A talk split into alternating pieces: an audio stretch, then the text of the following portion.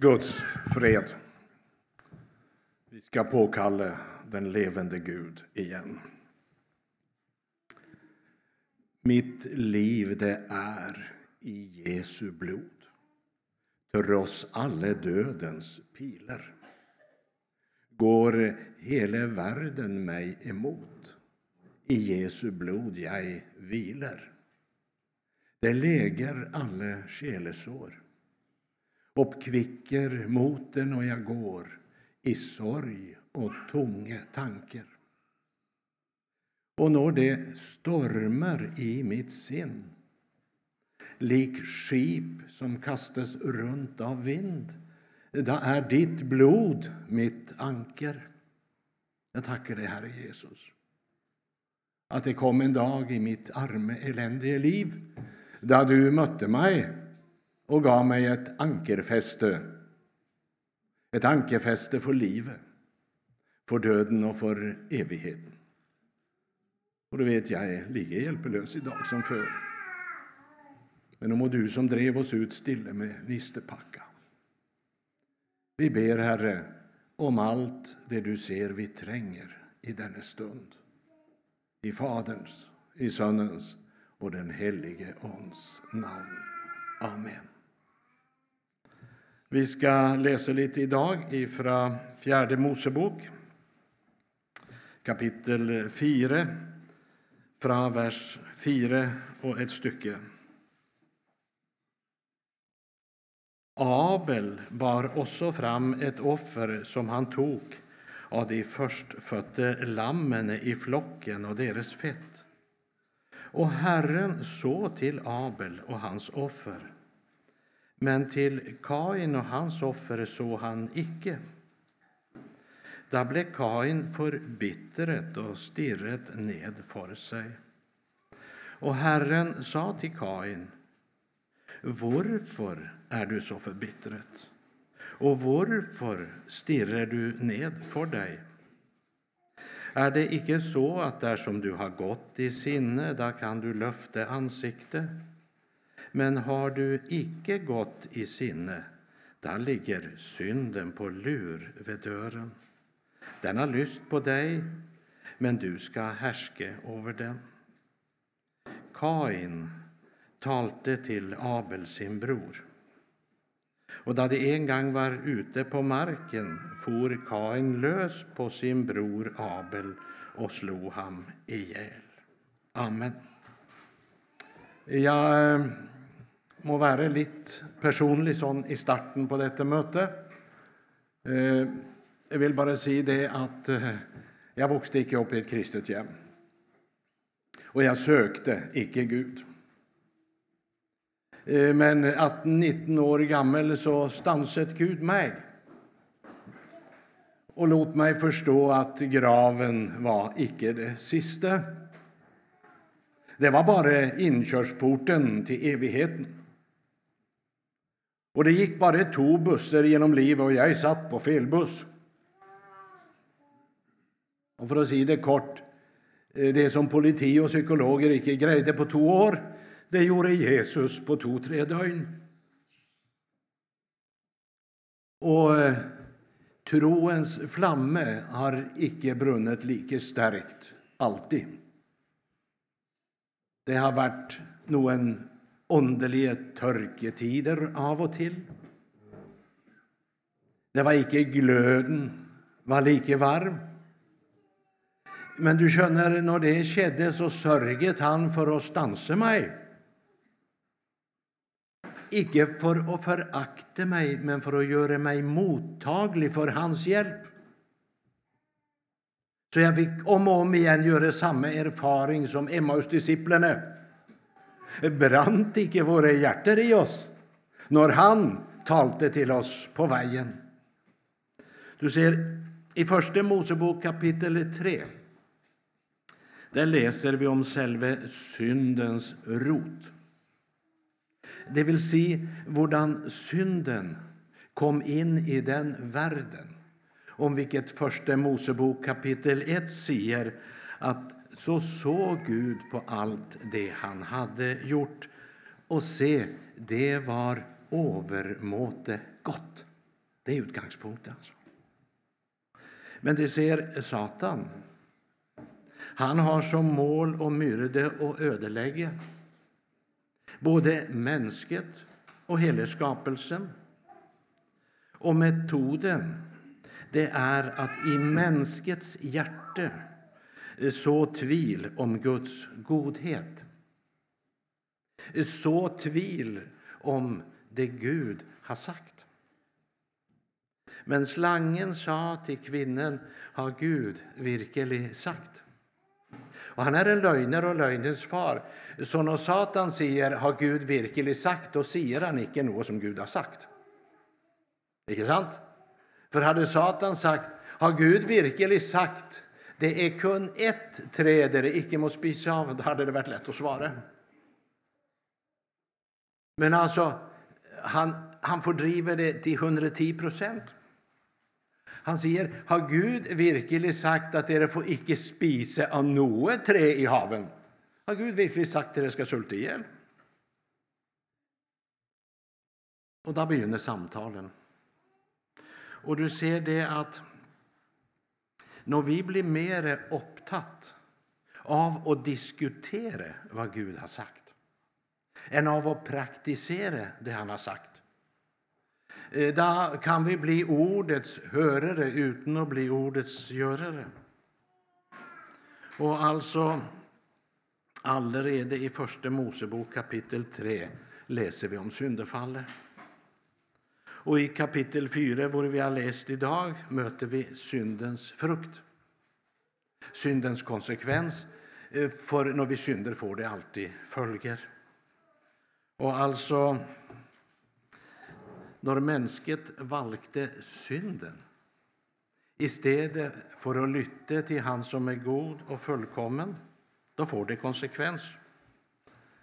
Och skriften säger att syndens lön är döden. Men det vill icke mänskligt tro.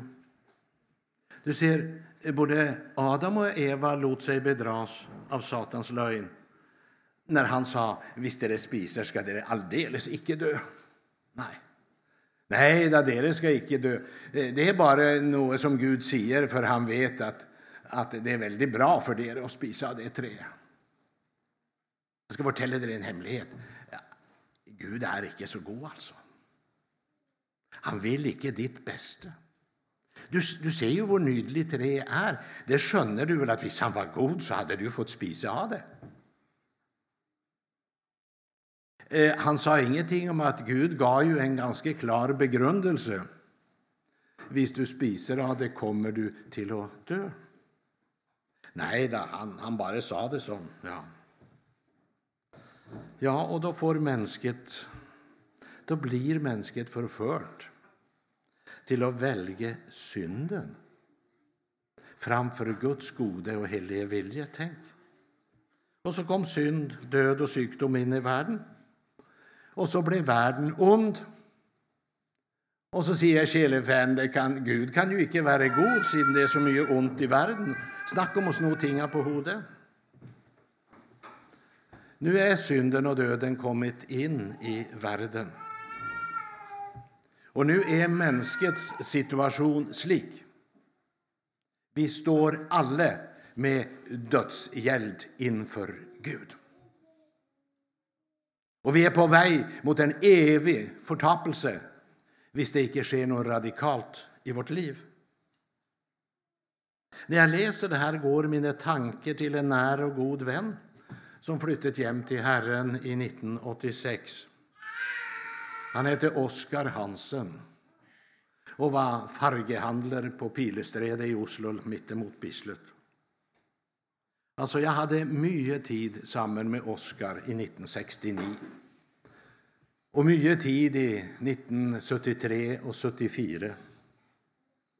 En gammal fargehandlare med ett hjärta som var satt i brand av Gud, nämligen en man som aldrig blev fullärd i sitt favoritämne som han studerade allra mest. Han kunde inte leva en dag utan att hämta hopp och näring i ordet om försoningen. ordet om nåde. Han fick aldrig nog av försoningen. Det är akkurat som maten jag spiser, sa Oskar. Hur mycket jag än spiser idag, så må jag spisa i morgon òg. Ja, för den förbrukas. Och så nästa dag må jag spisa igen. Och så vill det vara naturligt helt till jag inte lever mer. För när jag är död, då tränger jag ingen näring. Och så ser han mig i ögonen och så säger han, du lever väl, Kurt? Eller har du icke behov för näring mer? Då må du snacka med Gud. Jag skönte etter hvert att detta var något han hade lärt av en svenske som hette Rosenius. Han hade lärt det av en av fäderna och så av livets erfaring på det personliga plan. Då sa Herren till Kain, Var är Abel, din bror? Han svarte, Jag vet icke, är jag min brors vokter? Men han sa, Vad har du gjort? Rösten av din brors blod roper till mig från jorden. Nå ska du vara bannlyst från den jord som öppnat sin mun och tog emot din brors blod från din hand. När du dyrker jorden ska den icke mer ge dig gröde. En flykting och en vandrare skall du vara på jorden. Då sa Kain till Herren, min skyld är större än att jag kan bära den. Se, du har idag drivit mig ut av landet, och jag må skjule mig för ditt åsyn. Jag blir en flykting och en vandrare på jorden, och det vill gå slik att vem som helst som finner mig kommer och slå mig ihjäl.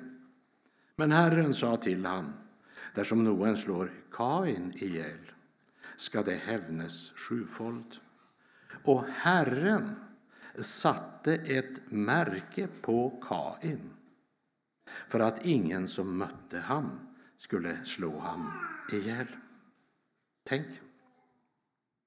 Och nu vill jag repetera något som jag sa sist gång jag prekade på detta sted. Nämligen att nåde, det betyder icke att jag får leva som jag vill. Men nåde betyder att jag får vilje till att leva som jag har lov. Och det är något annat än lovträldom, det kan jag lova dig. Och det har jag inte lärt på biblioteket. Kain talte till sin bror Abel. Och då de var ute på marken for Kain lös på sin bror och slog ham ihjäl. Eh, skriften säger inte något om vad samtalen gick ut på alltså och vad det gällt. Men du kan se det vi läser här, det är konsekvensen av ett människa som har förkastat Guds vilja. Och nu begynner valget att bära frukt, syndens frukt. Husk att Guds kärlek och Guds omsorg den är oförändrad. Men människosinnet är förändrat, förmörket. Alltså, efter syndefallet är det så att nu upplever mänsket Guds närvaro som en trussel. Tänk, jag känner igen det i Guds bild alltså. Nu tror man att Gud det är någon man må skjula sig för. Och Kain sinne är så förmörkad så han ser inte att Guds spörsmål är egentligen en öppning där Gud ger Kain en ny möjlighet och komma tillbaka till han som är livet trots allt han har gjort. Den kärlige Gud öppnar sin famn för Kain. Det är det som ligger i spörsmålet Var är din bror Abel? Det vet Gud innerligt gott. Men i sin kärlek vill Gud ge Kain möjlighet att fortälla och säga dessvärre, jag har slått min bror ihjäl. Du ser, när vi lar oss bedra av synden, så kan vi icke längre höra att Guds tale till oss icke är en anklage, men ett tillbud om hjälp. Det fallne mennesket tror att lösningen är att komma bort från Gud. Var är Abel, din bror? Han kan icke längre höra att Gud försöker säga si så länge som du icke går bort fra meg, står du i samme nåde som Abel, tross hva du har gjort. Det finnes en vei, en mulighet, en ny start også for deg. Kain, det finnes forsoning for absolutt alle dine synder. Forsoning ved lammet som ofres på altaret. Du ser, till en var tid förtjänar vi fördömelse Men vid blodet från lammet är du hela tiden rättfärdig.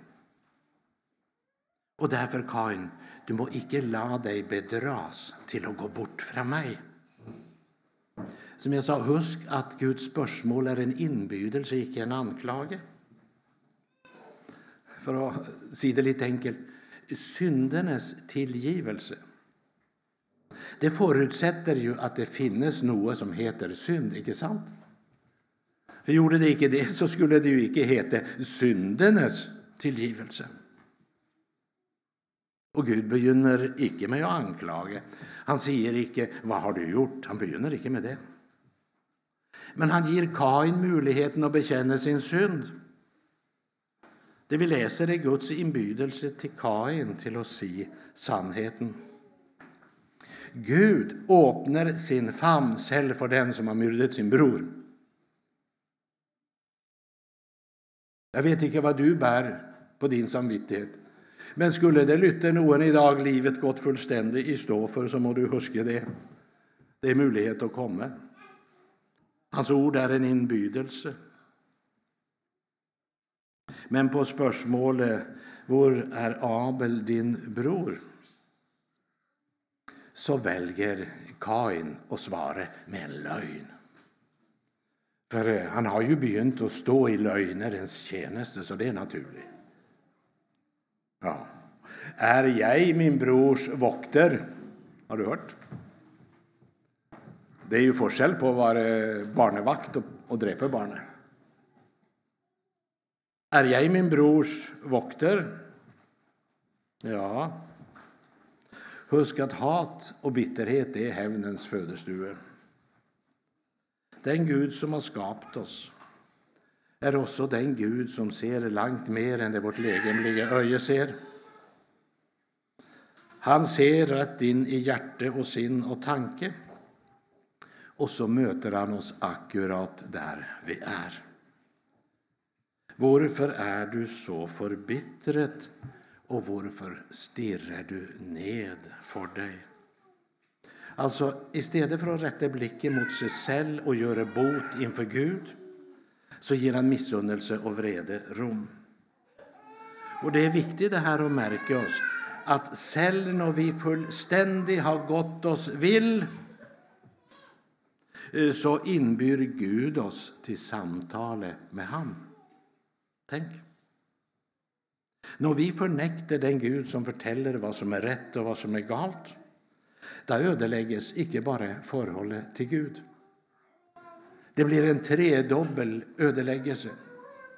Forholdet til Gud ødelegges, forholdet til medmennesket ødelegges, og forholdet til oss selv og virkeligheten ødelegges. Du ser, synden tåkelegger alle våre tanker om Gud. Da jeg vokste opp, sa jeg at jeg kunne ikke tro at det fantes noen Gud. Det var løgn. Jeg ante det. Sannheten var jeg ville ikke tro at det fantes noen Gud, for da var jo jeg litt dårlig ute. Ja. Og jeg hadde et fullstendig forvrengt gudsbilde. Så hvis det nå var sånn at Gud virkelig fantes, da gjaldt det å holde seg så langt vekk fra Han som mulig hvis man ville bli lykkelig. Tänk, jag trodde att Gud, om han fantes, var en trussel mot mitt liv. Och så tog han sig an mig likväl. Och jag vill gärna säga det. Nu vet jag att Gud är förutsättningen för allt sant och sunt liv. Men alltså, Selv etter sin løgn får altså Kain en ny mulighet å fortelle saken fra sitt ståsted. Hva har du gjort? Ja. Men alltså, synden tåkelänger och förvränger tanken om Gud. Och då ger vi alltid andre skylden. Ja. Når man blir liksom avslørt, og det, det liksom ikke går å fornekte du har sagt det, du har gjort det.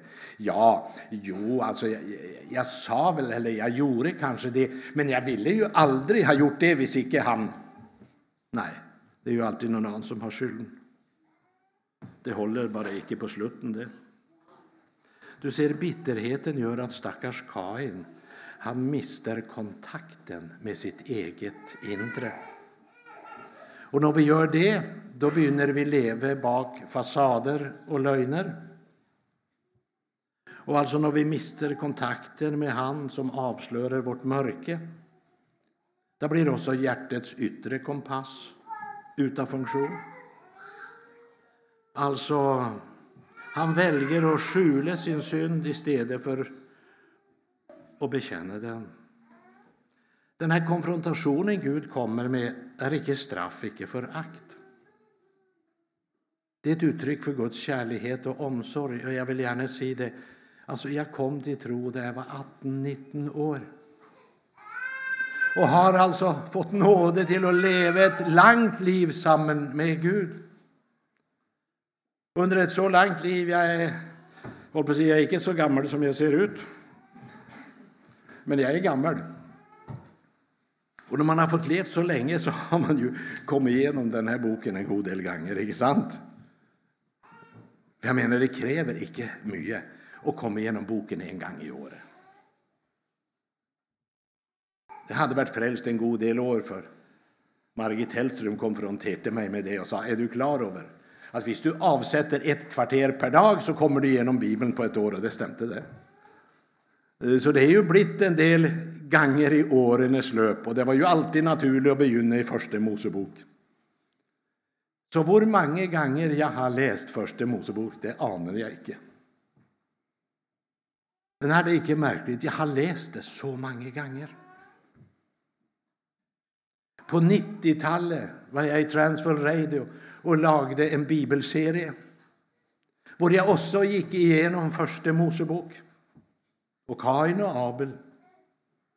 Och så måste det gå till augusti 22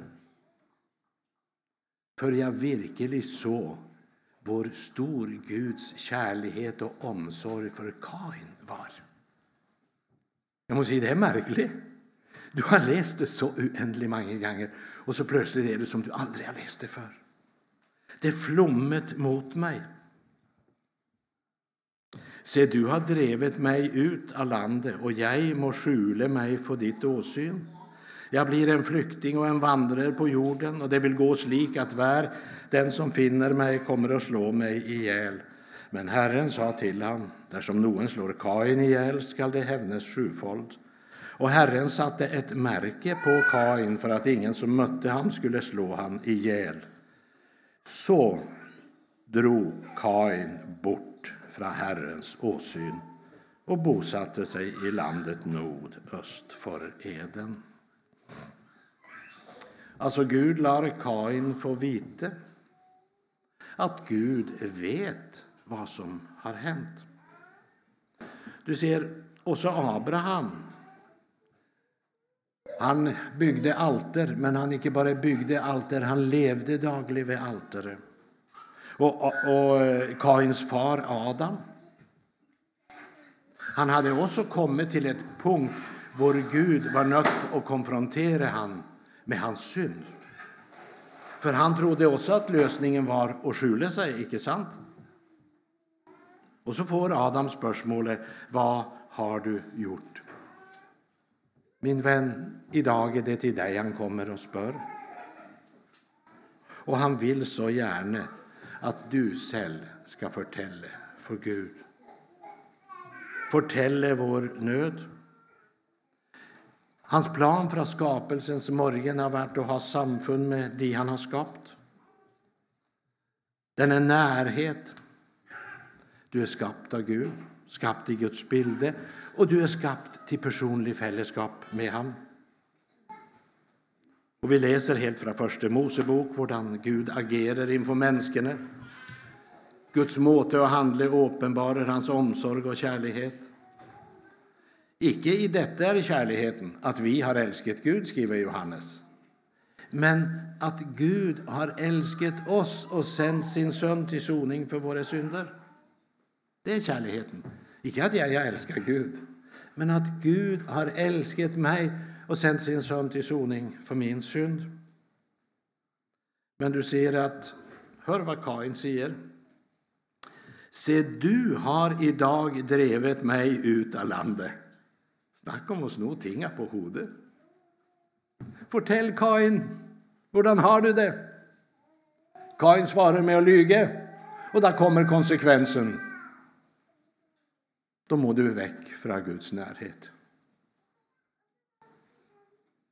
Men kärleksfienden fördrider det och han säger, se du har drivit mig bort. Då må jag tänka på den många, många år sedan utanför Göteborg. Jag satt i en själavårdssamtale och sa till denne gode själesörjare att jag sliter tungt. Jag prövar att läsa, men jag får liksom inte tag i det. Jag sliter, jag följer. Gud är blivit så långt borta. Så ser han stille på mig med ett smil och så sa han, jaha, och vem tror du det är som har flyttat sig? Det blir en ögonöppnare. Och när jag nå i augusti satt och läste första Mosebok så kom detta för mig. Ja. Kain han trodde han måtte gå väck. Det var inte Gud som flyttade sig. Om det är tungt och stängt för dig så önskar Gud att du kan komma. Jag tänkte först trotsar han Guds helige lov så anklagar han Gud för konsekvensen. Och Kain sörjer icke över sin synd. Han sörjer över att han möter syndens konsekvens. Han sörjer mer över sin lidelse och sitt tap än över sin synd. Och det avslöjar hjärtats förhärdelse. Han är mer upptatt av sin smärta än av sin synd och så ger han Gud skylden. Och du må räkna med att Adam och Eva, efter det de hade genomlevt, jag är ganska så säker att de snackat med Kain och Abel om vad som hade skett. Om hur de hade latt sig bedra, men hur Gud mötte dem. Först säger Kain så trodde jag att lösningen var att skjula mig, för jag hörde Gud kom. Och jag visste jag var naken. Och så visste han det. Jo, de, hade ju, de var ju inte längre iklätt Guds rättfärdighet, för det var de då de var skapt. Men när du har mistat den, då är du naken alltså. Har du spist av trä, säger Gud. Ja. Så lösningen var icke att skjula sig. Men vi märkte ju vi var nakna så vi, vi jobbade hårt med fikenlöv. Vi blev sådana nya motordesigner och vi fixade det ganska bra. Men när Gud kom så var det lite värt den klädstrakten. Och så berättar de hur Gud måtte la ett dyr dö. Blod måtte utgjutas för att människorna skulle få kläder som hållt mål inför Gud. För det står att Gud lagde kläder av skinn. Det står det. Det betyder att dyr måtte dö. Jo, så det här det tror jag de snackat om.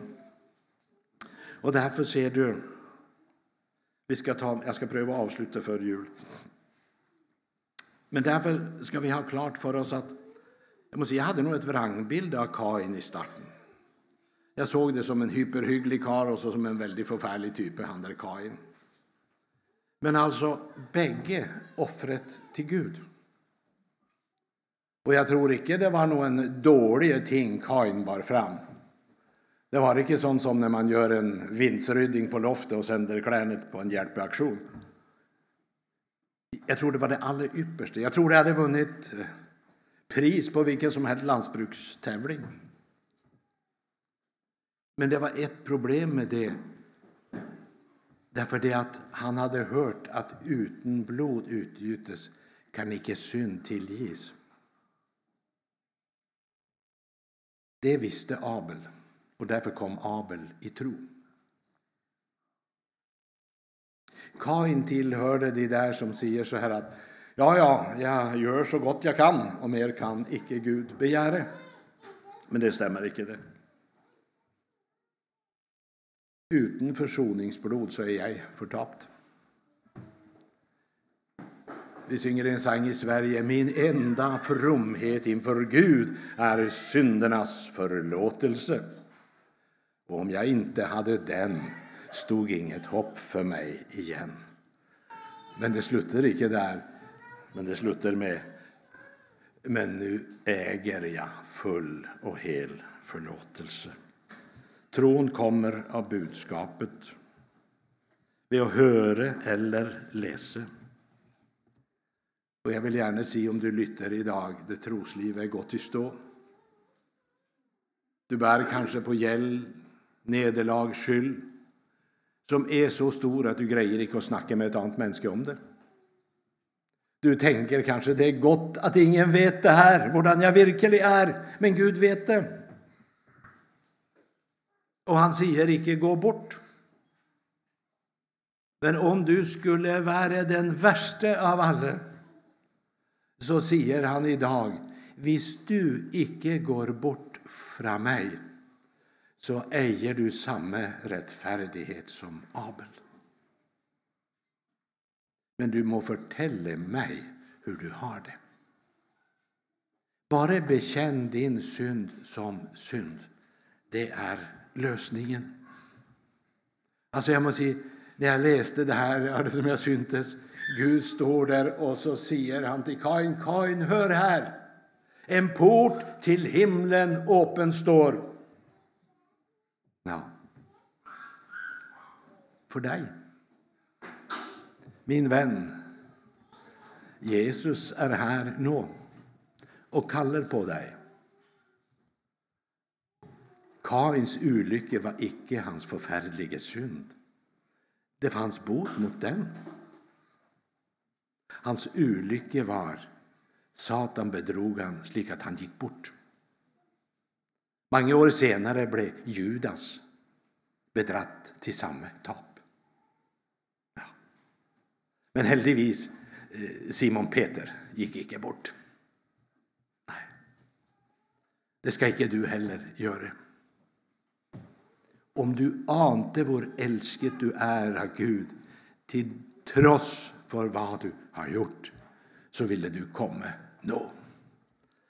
Jag vill tacka dig, Herre Jesus, att en port till himlen öppen står. Och så vill vi, Herre, icke gå bort från dig. Vi vill bekänna vår synd som synd. Vi vill sätta namn på synden, bekänna den för dig och så tacka dig och prisa dig för att du tillger all vår synd och förklarar oss rättfärdiga för Gud. Amen.